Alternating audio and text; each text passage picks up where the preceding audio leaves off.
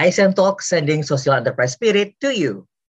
Sudah berbicara dengan berbagai macam social enterprise. Sudah banyak banget contoh-contoh social enterprise juga yang maju dengan caranya mereka. Tapi sebenarnya kalau teman-teman sudah memulai social enterprise, nggak semuanya memiliki pengetahuan yang tepat nih teman-teman atau malah bingung siapa yang bisa jadi mentor saya ya untuk bergerak di bidang ini. Saya merasa nggak ekspor, tapi saya pengen banget nih di bidang ini. Nah, kalau misalnya memang pengen tahu yang tepat, kayaknya ada yang tepat nih saat ini.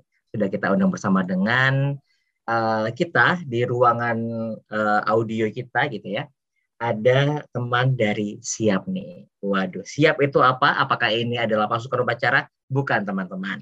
Ini adalah sebuah inkubator atau mungkin kita bisa bilangnya adalah accelerator ya untuk social enterprise atau social entrepreneur muda gitu. Kita akan berbicara tentang siap sendiri uh, bisa supporting di mana dan bagaimana teman-teman bisa kenal dengan siap setelah ini gitu ya. Kita akan undang satu orang yang sudah hadir di sini. Dia adalah seorang program manager dari siap sendiri. Ada Mas Funur. Halo Mas. Ya halo Mas Pandu. Apa kabar Mas Funur? Baik, baik. Baik. Gimana Mas, pandemi sudah menggerogoti otak atau malah bikin semangat nih saat ini? Bikin semangat sih ya sih ya. Karena kayak hmm. sebenarnya work from home itu jadi lebih produktif sih kalau buat saya. Yes, uh, aku juga awalnya agak bosan, tapi lama-lama juga enak juga ya, nggak perlu keluar-keluar ke mana-mana gitu ya. Kerjaan Betul. juga bisa di depan mata gitu ya. Uh, jadi bang, bangun-bangun udah nggak perlu mikirin, aduh perlu mandi, perlu uh, ke kantor macet-macetan, tapi bisa hmm. oh ya udah bangun bisa langsung duduk depan komputer kalau misalkan kerja atau bisa ngapain dulu lagi gitu kan. Benar, benar, benar, benar.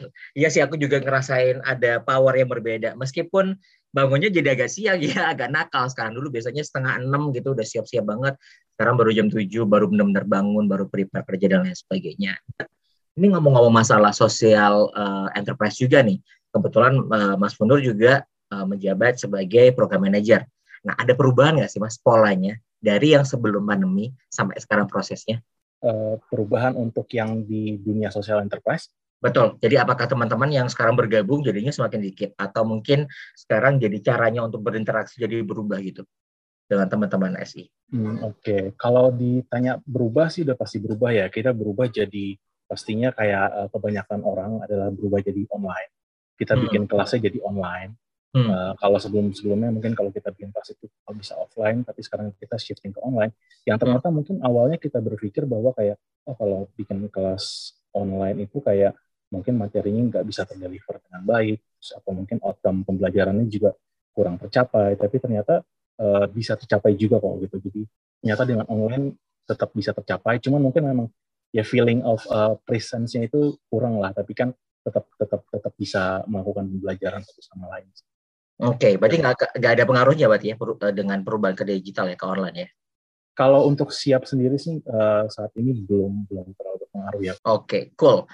Um, Oke, okay, teman-teman mungkin ada yang sudah mendengar tentang siap. Mungkin dari kebanyakan SI juga udah pada tahu siap itu apa karena memang gede banget namanya. Cuman pasti ada beberapa orang juga yang nggak tahu nih siap itu apa. Boleh dong Mas dijelasin sedikit tentang siap. Oke, siap itu sendiri adalah uh, satu uh, inkubator akselerator hmm. yang kita berdiri itu udah dari tahun 2017, uh, di mana kita fokusnya adalah uh, awalnya itu kita fokusnya kepada uh, social enterprise ataupun aspiring social entrepreneur. Jadi kayak orang yang baru pengen jadi social enterprise gitu. Kayak kita bikin bootcamp buat mereka. Nanti setelah mereka ikutan bootcamp kita, di bootcamp kita itu mereka bisa belajar sih, bisa belajar dasar-dasar untuk membuat social enterprise dari awal gitu Nah, okay. dari situ nantinya ketika kemudian kalau misalkan setelah mereka ikut bootcamp kita ternyata mereka itu bisnisnya running gitu kan. Karena ada juga yang nggak nggak jadi running ya karena kan uh, ada yang pengen belajar doang atau ada yang akhirnya nggak jadi jadi social enterprise gitu kan. Ketika hmm. mereka running gitu nah kita akan uh, tengok ke mereka nih. Nah, tengok ke mereka kayak uh, udah kayak gimana progresnya mereka. Terus nanti kalau misalkan kayak satu visi lah dengan kita itu kita akan ajak uh, ke program uh, akseleratornya kita di mana program akselerator kita ini itu kita akan uh, kayak nemenin mereka menjadi menjadi kayak semacam uh, kayak semacam founder lah ya kayak semacam hmm. founder buat mereka untuk bisa membangun bisnis mereka kayak gitu oh. kalau secara garis besar program siap seperti itu sih tapi kita okay. sendiri udah uh, berkembang sih uh, udah berkembang itu ketika awal ya ketika awal kita programnya masih di bootcamp dan akselerator aja tapi sekarang kita juga berkembang di mana kita juga uh, menjadi kayak uh, untuk menyediakan jasa impact management consultant. Gimana kalau misalkan kayak teman-teman mau mengukur dampak dari bisnis teman-teman secara sosial ataupun mungkin uh, sosial enterprise teman-teman, gimana sih dampaknya secara sosial. Nah itu kita juga ada jasanya. Dan terakhir sekarang kita juga uh, ke depannya, uh, kalau sebelumnya di mana kita banyak fokusnya itu lebih di tahap awal, bahkan masih aspiring, kita sekarang mungkin ke depannya itu mau fokusnya agak lebih maju nih. Agak lebih maju di mana tahapannya nggak lagi di aspiring, tapi benar udah yang uh, punya punya MVP lah, at least punya MVP untuk mereka bisa kita bikin jadi uh, investment ready. Itu hmm. itu rencana kita ke depannya. Oke mas, berarti ini nanti teman teman-teman yang sama sekali nggak tahu SI, tapi dia tertarik untuk mengetahui juga bisa join dong ya? Atau penasaran dulu gitu ya sebelum masuk ke acceleratornya, dia bisa mengikuti kelas-kelas yang dia dan juga oleh uh, siap juga. Bisa, bisa. Tapi memang kalau saat ini kita lagi nggak ada nggak ada program yang dibuka sih. Jadi mungkin mungkin kalau sekarang bisa belajar lewat kita bikin aktivasi-aktivasi online kayak kita ngadain talk show, kita bikin uh, konten-konten di sosmed saat ini mungkin bisa belajar dari situ dulu. Oke, sementara jadi yang uh, memang sudah disediakan oleh tim siap dulu ya. Tapi mungkin nggak sih kalau misalnya saya nih tertarik juga lalu mau kontak uh, tim siap dan bisa dibantu nggak dari situ? Dibantunya seperti apa nih Mas Pandu? Uh, maksudnya ya ada bisa ngobrol langsung kah nanti ada sesi sendiri atau benar-benar belum membuka sama sekali kesempatan untuk teman-teman ngobrol langsung dengan tim siap? Kalau untuk ngobrol langsung maksudnya sampai menyediakan waktu sih sebenarnya ya kita open sih kayak ya bisa aja coba untuk email kita, ataupun pok kita di sosial media kita. Hmm. dari situ sih kita bisa kayak oh kalian ada kebutuhan apa dari situ kita bisa obrolin sih. Nah sekarang sudah tahun keberapa siap di jalan? Uh, dari 2017 berarti udah empat tahun ya empat tahun. Empat tahun, oke. Okay. Aku sering banget sih ngikutin uh, beberapa presentasinya siap juga. Waktu itu ada di Amerika ya kalau nggak salah ya? Yes, ada di okay. Amerika. Uh, presentasi teman-teman waktu offline sih. Waktu itu aku masih bergabung di kantor lama, jadi aku sering banget ketemu sama teman-teman siap. Nah, kalau boleh tahu nih Mas, ada berapa member saat ini yang tergabung menjadi pesertanya acceleratornya? Kalau yang menjadi portfolio, kita nyebutnya kalau yang udah masuk accelerator itu yang menjadi portfolio kita ya. Kalau yang jadi hmm. portfolio kita itu saatnya ada tiga. Ada berdaya krui, ada baca pivo, sama ada menjadi manusia. Tapi kalau uh, ngomongin alumni program kita itu, kalau nggak salah, sudah sekitar, saya lupa angkanya persisnya sih, tapi udah sekitar ratusan ratusan ya yang tergabung saat ini uh, ya untuk alumni kita alumni karena kita wow. kita total batchnya itu udah ada sembilan batch ada di sembilan batch ada di Jakarta, Bandung, Makassar, Solo dan Malang ada di lima kota.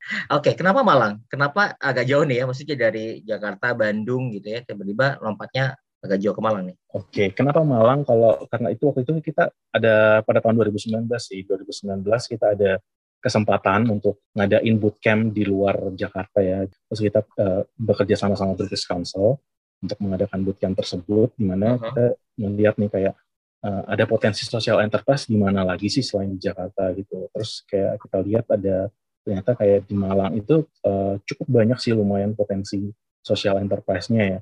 Uh, terutama juga Malang kayak selain social enterprise juga sebenarnya dunia IT juga lagi naik sih ya jadi Malang ya makanya kita milih Malang sih waktu itu. Jadi selain Malang kita juga pilih Solo plus pilih uh, satu dari Indonesia Timur uh, Makassar. Hmm, oke oke oke oke menarik ya karena sebagai kota yang saya pikir tenang damai itu kayak nggak ada inisiatif tapi sampai didatengin sama tim siap itu berarti ada sesuatu nih. Karena aku juga melihat sekarang di Malang itu lagi uh, geraknya cepat banget dengan perkembangan startup, iya nggak sih? Emang seperti itu nggak sih? Betul. Dan sebenarnya kalau kayak uh, ngomongin kita ngomongin secara pendaftar ya dari hmm. dari tiga kota yang saya sebut tadi Solo, Malang, Makassar itu pendaftar paling banyak itu di Malang. Oh wow. Di Malang itu sampai waktu itu kita ada 300 pendaftar, tapi yang keterima itu cuma 30. 30, wow, luar biasa ya. Memang antusiasmenya dari teman-teman Malang luar biasa banget teman-teman mudanya. Dan memang bagus banget sih kalau misalnya mau di explore. Oke, tadi kita sudah kenalan dengan siap sendiri teman-teman. Nah, uh, sebagai orang yang awam banget, yang belum tahu tentang social enterprise juga, apa aja sih yang harus diketahui sebelum bergerak atau mungkin membuat social enterprise? Oke, okay. uh, eh, mungkin social enterprise sendiri saat ini kayak lagi nge-hype banget ya istilahnya ya hmm, uh, di Indonesia gitu kan. Jadi kayak Tapi sebenarnya kalau menurut kita sendiri kayak every business atau harusnya should be social gitu. Jadi nggak cuma sekedar impact, uh, sorry nggak okay. cuma sekedar profit aja maksudnya. Cuma kan memang kalau kita ngelihat uh, saat ini masih ada dikotomi ya antara antara perusahaan, uh, startup terus social enterprise misalkan gitu kan. Padahal sebenarnya social enterprise pun banyak juga yang bisa dikategorikan startup gitu kan. Karena kan hmm. startup nggak nggak cuma teknologi doang gitu. Kalau ibaratnya kayak mungkin sekarang masih terjadi dikotomi seperti itu, tapi harapan kita ke depannya sih pengennya adalah ya every business should be social sih. Jadi kayak nantinya term social enterprise itu nggak ada lagi gitu. Uh, tapi hmm. uh, small business itu ya nggak cuma profit. Yeah. Nah, social enterprise itu ada di tengah-tengahnya antara profit dan impact-nya itu berjalan seimbang. Jadi kalau hmm. kalau bisa disebut uh, social enterprise itu apa? Social enterprise itu pada intinya adalah uh, usaha yang uh, profit dan impact-nya itu berjalan seimbang. Oke, okay. impact-nya berjalan dengan seimbang. Berarti kita boleh uh, bilang kalau misalnya perusahaan yang punya CSR bagus, dia juga memiliki, dia juga bisa dibilang SI juga atau belum sampai ke sana karena hmm, belum sampai ke sana. Karena kan tadi belum seimbang tuh. Sementara kan kalau kayak pro, uh, mereka masih mengutamakan adalah profitnya kan. Sementara hmm. sisi CSR itu lebih kayak mereka cuma menjalankan kewajibannya aja. Kayak karena ada kewajiban berdasarkan peraturan pemerintah harus bikin CSR, ya mereka bikin CSR gitu. Tapi sebenarnya hmm. secara secara secara berjalannya perusahaan sendiri mereka masih lebih uh, cenderung pada pengutamaan ke profit. Tapi kalau social enterprise itu uh, nggak cuma impact-nya aja, tapi juga harus profitnya. Dan nggak cuma profitnya aja, tapi juga harus impact-nya. Oke, oke, oke, oke. Dua-duanya harus berjalan dengan seimbang ya berarti ya. Betul. Nah ini juga bisa jadi uh, pertanyaan juga ya, ya kayak uh, mungkin kita pernah dengar uh, ayam atau telur yang duluan gitu ya. Ayam atau telur, ayam atau telur kayak gitu. Nah kalau misalnya kita sekarang ngomongin tentang kondisi saat ini, kita harusnya berjalan di profit dulu atau impact dulu nih mas? Kalau kondisi saat ini, kondisi saat ini, kalau misalkan kayak kalian masih awal ya, misalkan kalian masih di awal, well otomatis untuk sustain kalian harus punya profit gitu kan hmm. bisa sustain gitu kan karena kalau kalian nggak punya profit gitu kan ya pasti kalian nggak bakal bisa bikin impact juga sih itu nggak bisa dipungkirin karena every business ya should be profitable gitu kan oke okay. nggak mungkin nggak mungkin jalan bisnis kalau nggak ada profit gitu. tapi kalau kayak ditanya uh, duluan mana ya mungkin kayak kalau untuk tahap awal at least uh, awal ya kita mungkin agak sedikit melebihkan sisi uh, bisnisnya atau profitnya agar bisa kita sustain itu nggak apa-apa. Tapi jangan sampai terlalu jauh gapnya sampai akhirnya kita terlalu ke profit banget gitu sih. Hmm, hmm, hmm, hmm. sampai lupa ya dengan uh, dampaknya. Uh, impactnya, ya. betul. Oke okay, oke. Okay.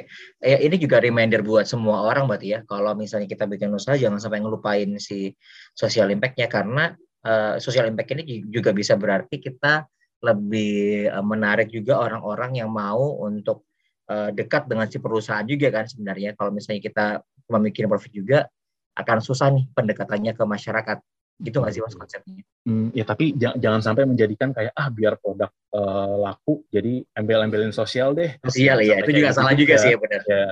Oke oke oke oke. Nah kalau misalnya uh, di uh, siap sendiri gitu ya, inkubasinya itu berisi berapa kali pertemuan atau misalnya dari programnya sendiri seperti apa? Boleh dijelasin nggak mas? Oke, inkubasinya kita itu sih uh, kita bikinnya kalau yang yang kemarin-kemarin ya, karena uh. sekarang nggak lagi running. Uh, yang kemarin-kemarin itu kita bikinnya uh, di weekend, inkubasi weekend, jadi sama selama empat minggu. Uh, satu minggu itu ada dua kali sesi, jadi total ada delapan sesi sih dalam satu pitch bootcamp itu. Oke. Okay. Satu minggu. Satu minggu, terus bagaimana mas? Uh, iya, jadi satu, satu minggu uh, selama empat satu empat kali satu minggu uh, uh. masing-masing itu uh, satu sesi. Oke, siap. Nah, kalau dari uh, tadi ada inkubasi, ada juga akselerasi juga. Apakah ini sama atau ada program sendiri untuk akselerasi? Uh, beda, ya beda. Karena kalau di akselerasi itu kita, kalau di inkubasi itu lebih sifatnya karena kita kemarin itu uh, tahapnya masih aspiring, jadi memang benar-benar uh, yang awal itu lebih kepada kayak pemberian bekal mereka untuk bisa bikin bisnis lah. Tapi kalau aspiring ini kayak kita mendampingi mereka benar-benar mendampingi hands on lah mendampingi hands on uh-huh. secara secara intensif lah kita jadi partner yang mereka lah uh, untuk uh-huh. bisa ngembangin bisnisnya mereka.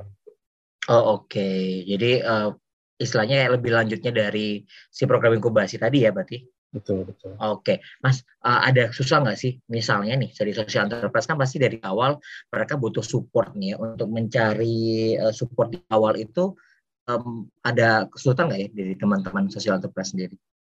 supportnya seperti apa?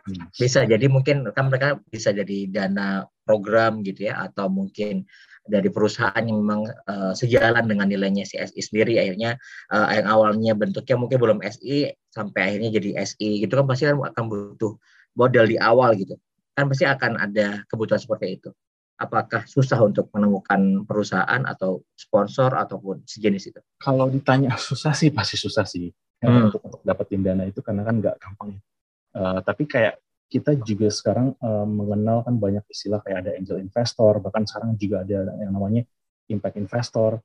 Ya uh, pergerakannya uh, investasi banyak sekarang juga bergerak ke arah untuk nggak cuma bikin profit doang, tapi bikin bikin impact juga, which is uh, itu uh, impact investor itu kan. Itu juga cukup lagi cukup banyak juga sih uh, Indonesia ya lagi agak bergerak ke arah sana. Jadi mungkin mungkin kalau ditanya ke depannya bakal gimana, mungkin ke depannya bisa jadi akan lebih mudah untuk social enterprise mendapatkan dana tapi tapi mungkin untuk saat ini masih masih sebuah tantangan sih karena karena pertama kan kayak kalau misalkan let's say kita mau minjam ke bank ya untuk minjam ke bank itu kayak ya biasanya kan bank ya mau ngeliatnya kan profitnya doang gitu kan kayak sementara mungkin social enterprise itu kan kebanyakan adalah levelnya itu bisa dibilang kayak level UMKM lah ya UMKM itu kan kayak ya mungkin profitnya cuma seberapa sih gitu kan jadi kayak agak susah juga mungkin tapi ke depannya sih ya dengan harapan semakin banyaknya impact investor dan kayaknya bank juga udah mulai bergerak ke arah sana sih. Jadi mungkin akan dilihat juga tuh sisi impactnya ke depannya. Gak cuma dari sisi profitnya doang ketika misalkan uh, mereka mau ngasih pinjaman ataupun mau ngasih investasi. Kalau selama ini selain dari bentuk yang ini kan susah susah juga untuk mengajukan juga tapi mungkin sudah ada perkembangan yang berbeda untuk mengajukan dana dari sudah bisa dapat juga dari si angel investor juga gitu ya.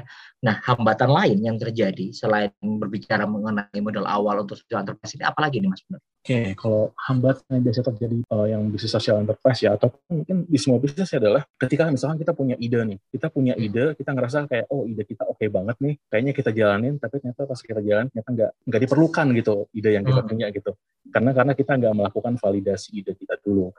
Nah, kayak jadi sebenarnya penting banget sih kalau misalkan emang kita mau menjalankan sebuah usaha kayak kita nggak ada problem, kita harus validasiin dulu problemnya itu sebenarnya benar gak sih.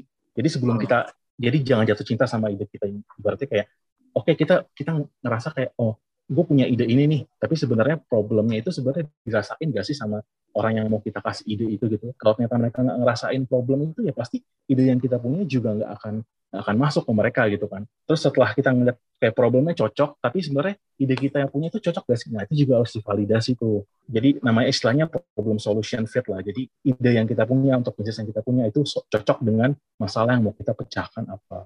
Nah, okay. itu kebanyakan orang miss di, di situ sih ketika merasa oh ide gue udah oke okay banget nih pasti bakal jadi the next project lah atau atau apa gitu kan. Hmm. Tapi ternyata nggak tervalidasi idenya, uh, akhirnya bisa bisa ya. bisa gagal.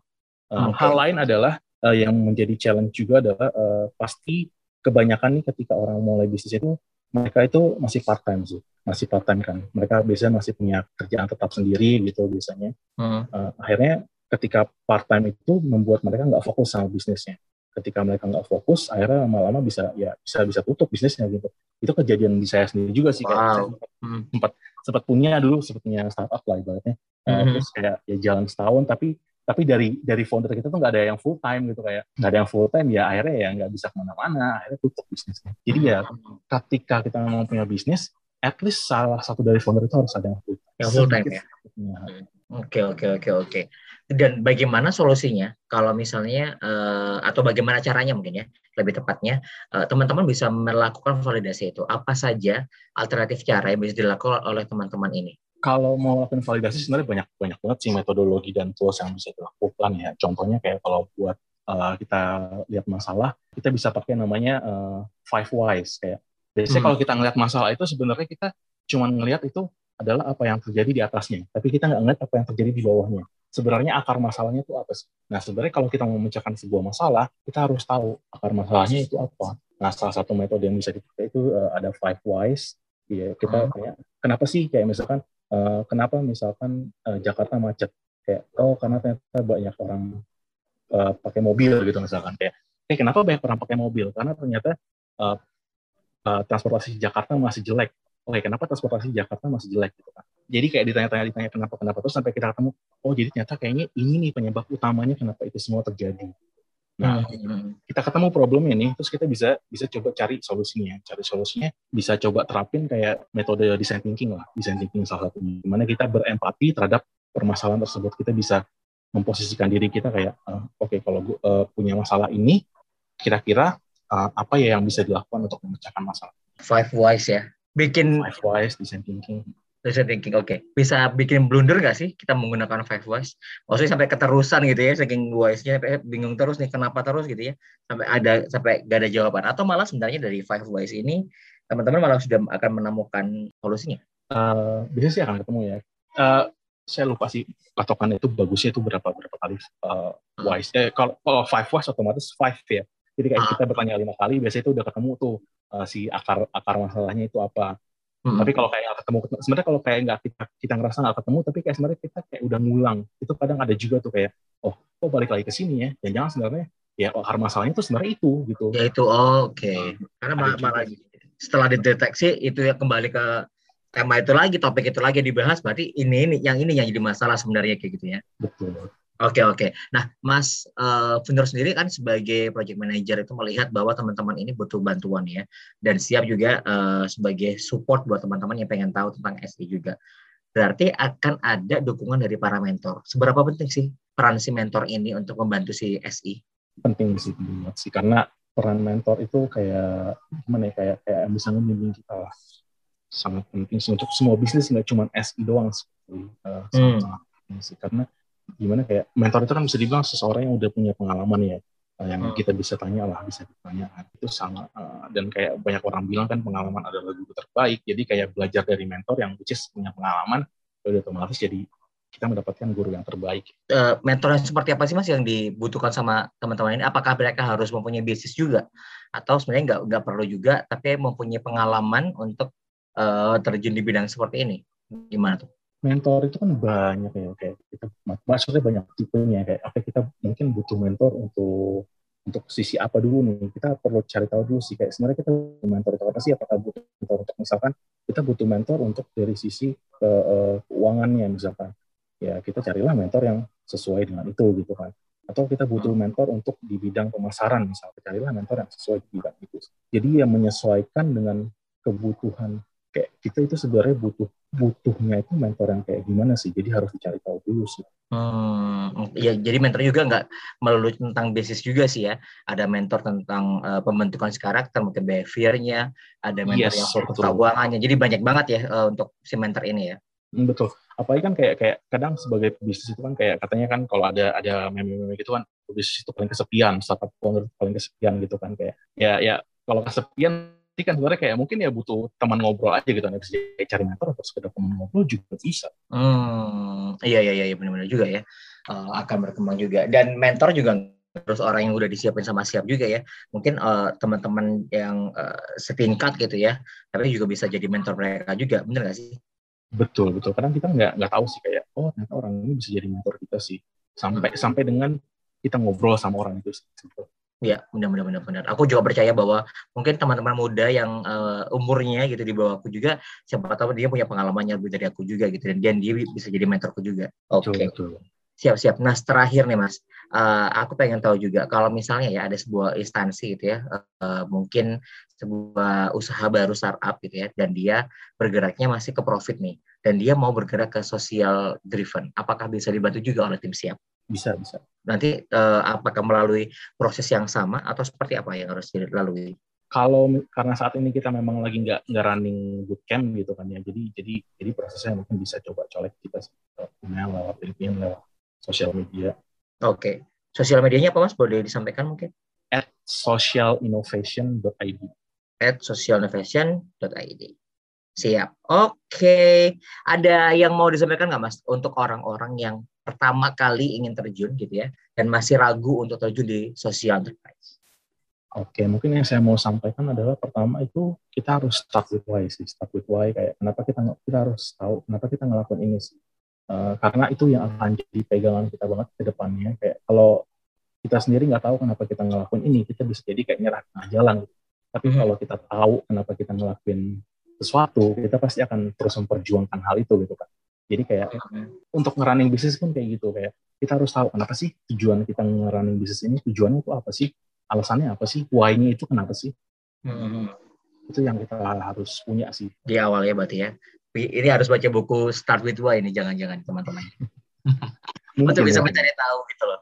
Oke, siap. Thank you banget Mas Funur buat waktunya karena uh, mungkin kita bisa ngobrol lagi depannya karena saat ini aku yakin sih teman-teman sudah mulai berpikir untuk mau memulai usaha sosial karena uh, banyak juga kondisi yang sekarang mendukung gitu ya, baik dari sisi lingkungan, dari sisi isu-isu sosial yang ada di Indonesia itu banyak banget yang butuh disupport dan uh, usaha sosial menjadi salah satu solusi selain mendapatkan keuntungan juga bisa menyelesaikan permasalahan yang ada di sekitar kita.